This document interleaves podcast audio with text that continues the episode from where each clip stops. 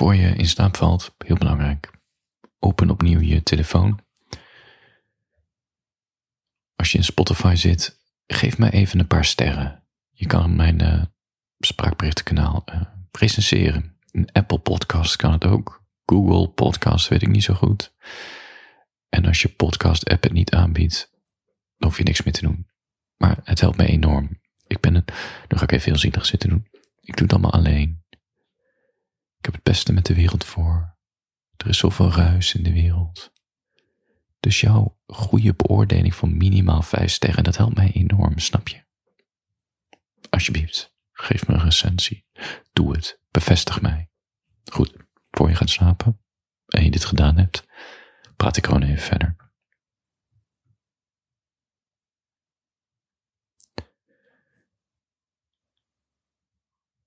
Het meest fascinerende, nou ja, het meest fascinerende, wat ik fascinerend vind, is dat het brein zichzelf kan uitschakelen bij heftige gebeurtenissen.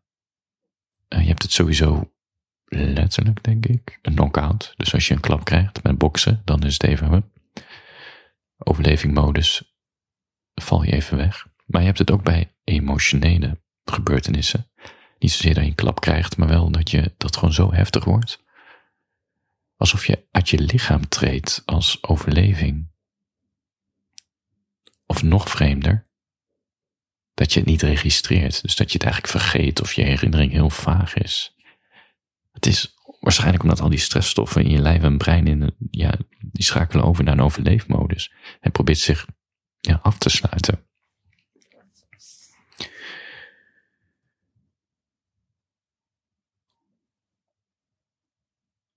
Uh, een andere vorm van stress. Kijk, je hebt sowieso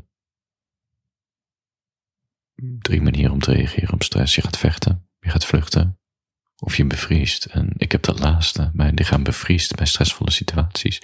Ik registreer alles, maar ik zit gevangen in een lijf dat niets kan.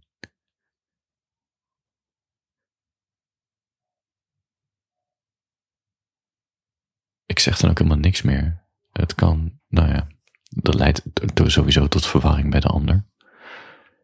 Ik had eens een keertje met, uh, ik had zo'n supermarktbaantje, vakken vullen. Dat heb ik echt twee, drie jaar lang gedaan in mijn puberteit. En dan op zaterdag na sluitingstijd gingen we de acties van de aankomende week klaarzetten. En in dat hoofdpad waar al die andere paden zitten, dan, uh, ja, dan ben je in de weer met, met, met van die planken, ja, van die ijzeren, ja, wat is het? Planken die je dan zo in de stelling legt. Het is echt het is best zwaar, dat ding. En je moet het even goed erin, erin klikken, zodat het niet valt. En ik had de, taak om 7-up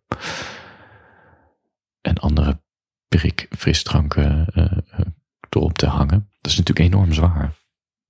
Nou ja, wat gebeurde er? Ik had blijkbaar die plank niet goed erin gezet. Dus ik draai me om toen ik hem net helemaal gevuld had. En toen donderde de hele donderde plank zo eraf met al die flessen op de grond. En, en flessen die dan op de grond komen, sommige gingen lek. Dus het spoot uh, de koolzuur eruit overal. En ik schrok. En mijn reactie, mijn stressreactie was, ja, niet bewegen. En ik moet zeggen, die manager van mij, die, die baas, sowieso een enorm anti. oh jee, die kon, niet, die kon niet heel goed met mensen omgaan. Was een zaggerijnige, Norse vent. Hij kwam niet heel gelukkig over, laat ik het zo zeggen. En wat hij dan doet, deed hij, ja, hij pakte me dus vast bij mijn arm en zei, doe dan wat. Dat ik dus niet in beweging kwam. Beschamend. Dat is ook niet zo'n man die dan achteraf, weet je niet, of de moment dan achteraf nog een gesprekje met je hebt en even doorspreekt van nee, wat gebeurde er nou zo? Of niks van het alles. Dus niet alleen had ik mijn stressreactie, daarna voelde ik me natuurlijk ook nog heel erg stom naar die vent toe. En heel gefrustreerd en ongezien en ja, gewoon, uh, gewoon kut. Ja. Kan gebeuren.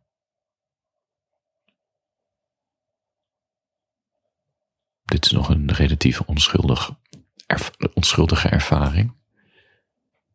Ik ben ook wel eens een keer uh, als klein kind in elkaar gemapt. Nou, al vaker trouwens. Ook uh, in mijn studententijd. Ja, dan bevries, bevries, ik dus, dus dan kan ik niet terugvechten. Dat is uh, schijnend. Ja. Wat doe je daaraan? Ik uh, de biografie van de Moby te lezen, Dennis Veldenpart. En er zat een hele schijnende uh, flashback scène in uit zijn jeugd, of nou, laat ik het zo zeggen. Het boek, elk hoofdstuk weer, uh, switch, wisselt het. Dus vanaf het moment dat hij door, opnieuw doorbreekt met album play. En dan een flashback naar zijn jeugd, het volgende hoofdstuk. En dan heet het om en om. Ja. Beetje irritant eigenlijk, maar oké.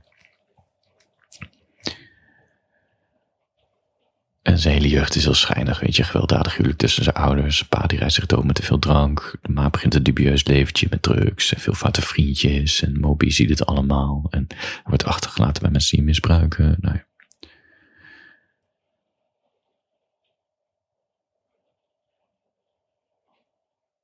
Die moeder die heeft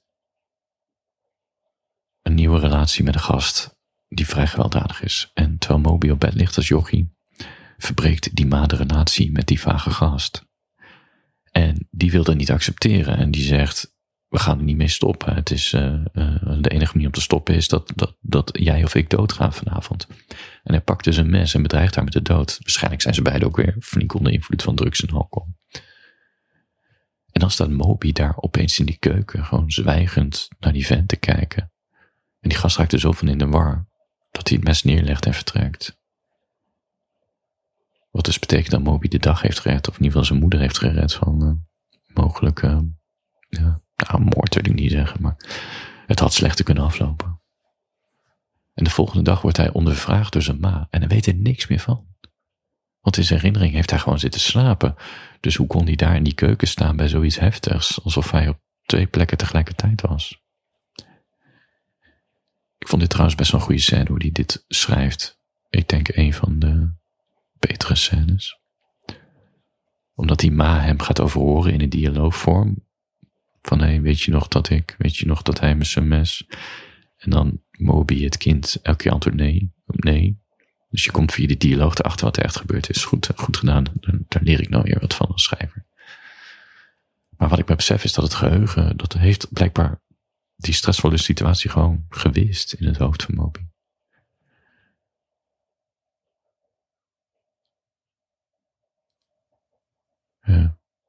Ik weet niet hoe het precies werkt. Ik heb hier geen verstand van. Ik weet wel dat ik heb bij ruzies, weet je, vrienden, geliefdes. Als de ruzie is uitgepraat, of een andere manier van closure, dan wist mijn geheugen zich gewoon, alle details wisten zich. Ik ben dus niet een gast die tien jaar later zegt, ah ja, wist je nog toen je dat tegen me zei? Dat is, uh, het wist zich. Als sneeuw voor de zon. Echt binnen drie dagen al. Geen idee, als het is uitgepraat, geen idee waar het over ging. Het heeft geen waarde meer van me om het te onthouden, of erbij stil te staan, of vervelende gevoelens. Het is totaal verdwenen. En ik weet wel dat ik, weet je, ik heb een, eh, een goede vriend zes, zeven weken lang door Oost-Europa getraind. Nou ja, op een gegeven moment ben je elkaar ook een beetje zat.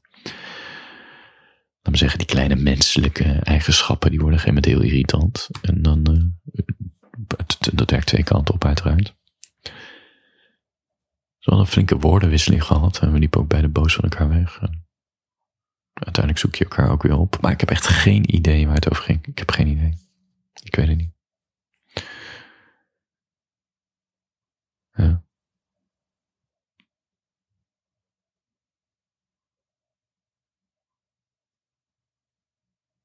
En het is goed ook, want het uh, doet er allemaal niet toe.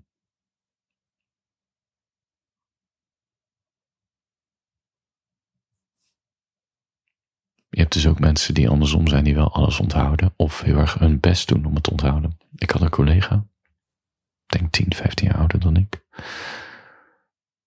Twee kinderen. En die kwam in een, nou ja, en je merkte al, weet je, zo'n, die kwam, het huwelijk kwam in zwaar weer terecht. Geen idee wat er aan de hand was, dat zei hij ook niet en dat hoeft ook niet. Maar het liep gewoon niet meer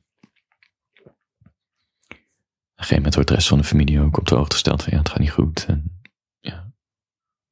De vraag is, ga je dan door met elkaar of niet? Twee kinderen, ingewikkeld huis. Koophuis bedoel ik. Maar die ruzies werden, een hij wilde heel graag door. Hij wilde er in ieder geval alles aan doen om eraan te werken, dat ze eruit kwamen. En zij, ja, ze was er wat vaag over. En op een gegeven moment kwamen die, die verwijten bleven maar komen. Wat bleek? De ook ruzies van die ze blijkbaar, de, acties die hij had gedaan 10, 15, 20 jaar geleden in een relatie kwamen opnieuw aan het licht. En die vertelde ze dan ook aan haar familie. Dus haar familie was natuurlijk enorm. ja, als je alleen maar hoort wat je toekomstige ex-man, wat voor fouten die heeft gemaakt, 10, 15 jaar lang. Wat had ze nou gedaan? Ze had een dagboekje bijgehouden en elke ruzie die ze ooit hebben gehad, had ze opgeschreven. En die had ze dus allemaal weer doorgelezen en uh, weer opnieuw op hem afgevuurd en iedereen gedeeld eigenlijk wat voor een lul het was. Blijkbaar. En wordt het dus opeens een wapen. Tja. Ik weet niet, het is... Uh, ik weet niet wat er tussen hen twee in is gebeurd. Hè? En weet je, als het niet werkt, dan werkt het niet. Dan, ondanks dat de kinderen zijn, dan kan je beter gewoon stoppen natuurlijk.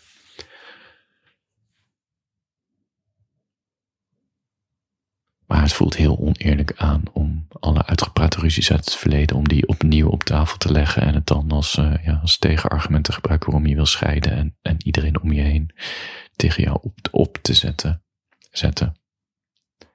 En ik kan me wel iets bij voorstellen hoor. Wat heeft uitzitten spoken. Want ja, als je elke dag 40 uur met elkaar werkt in een team.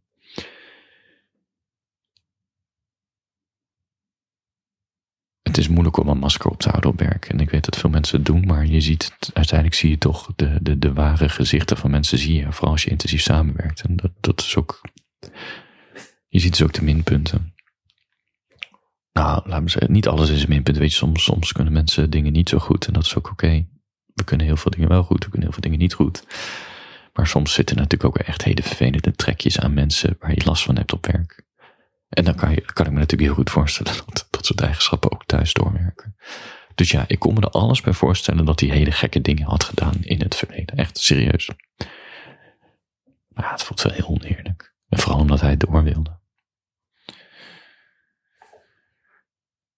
Hij wilde er nog wel voor gaan om eruit te komen. Maar goed, het, uh, ze zijn uit elkaar gegaan. En de ruzies bleven er natuurlijk gewoon doorgaan, want ze hadden twee jonge kinderen. Ja. Oei, oei, oei. Maar goed, tegelijkertijd denk ik, ja, je was er zelf al die 20 jaar bij, hè? Ik bedoel, uh, je kan dan wel doen alsof het de grootste fout van je leven is, maar ja, het is toch 20 jaar van je leven. En die krijg je nooit meer terug. En ik kan me niet voorstellen dat het 20 jaar ellende is als je twee kinderen hebt. Nou ja, goed. Laat ik maar niet te veel praten over uh, andermans relaties. Ja. Ik moet wel zeggen, ik ben wel een conflictvermijdend mens. Uh, conflicten trekken me ook heel erg leeg. Het maakt me ook heel onzeker. Gewoon dat er iets niet goed zit. Uh, als iemand het niet uitspreekt, voel ik het sowieso. Als het uitgesproken is, ja, dan kan nog dagen in mijn hoofd doorgaan. Dus hoe sneller iets uitgepraat is, hoe beter het voor mijn leven is, omdat ik het dan kan wissen. Ja, ik ben echt een doetje eigenlijk. Ik heb ook best wel een hoge tolerantie. Mensen kunnen best wel veel bij me flikken ook. Um, wat goed is er. Soms moet je gewoon eerder duidelijke grenzen trekken. Maar goed, ja. I'm still learning. Maar er zit vaak wel een soort boiling point bij. Tot ik het echt niet meer trek. En het punt is daar een beetje, als dat op dat boiling point komt, dit ik barst niet uit hoor. Ik word niet onredelijk, maar ik kan het niet heel goed verwoorden als het me echt heel hoog zit. Weet je, het is wel duidelijk dat ik dan heel gefrustreerd ben en het niet goed trek. Het wordt niet altijd begrepen. Ja. En soms ook wel hoor. Dan heeft de directheid juist wel weer het gewenste effect. Maar goed, na die uitbarsting of whatever, forever, vergeven en vergeten. Letterlijk. Voor je gaat slapen. Ik had dus een keer, ik had echt een, soms werkt het gewoon niet in, in werk, samenwerking met iemand. En dat, dat frustreert. En als je volwassen bent, niet wel zoals ik was, draai je toch elke keer het gesprek met elkaar aan. Je probeert elkaar te vinden. Maar we kwamen er gewoon totaal niet uit.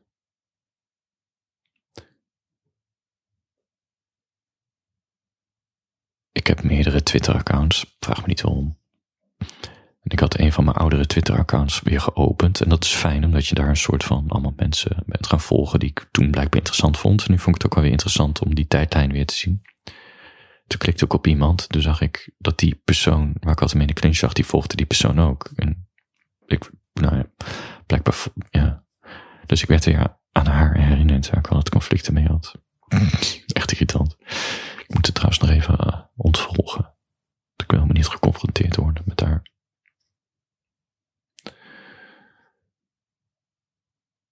Ze volgde een wat dubieus persoon in het, uh, in het uh, conspiracy theorie debat. Dus toen dacht ik, ah, want ik heb er al heel lang natuurlijk niet gesproken. Echt al jaren niet. Dacht ik, oh ja, dus je bent waarschijnlijk die, de conspiracy kant op gegaan. Wat me niks zou verbazen. Vond ik grappig om te, op te merken. Ze was namelijk al heel wantrouwend tegen alles en iedereen. Intelligente vrouw. En, maar geen gezond wantrouwen. Echt een, ik denk door ervaring in het verleden heel wantrouwend naar anderen toe. Ja. Ik weet niet. Het, het brengt ook bij mij vooral empathie op. Omdat ik dan toch zie van ja, dit, je wordt niet zomaar wantrouwend. Dan, dan moet er gewoon heel veel gebeurd zijn in je verleden dat je zo wantrouwend bent naar anderen. En ja, dan, dan kan je ook heel wantrouwend worden naar instituties. En, uh, ik uh, ben veel te lang aan het praten, merk ik. Slaap lekker. Handjes boven de dekens.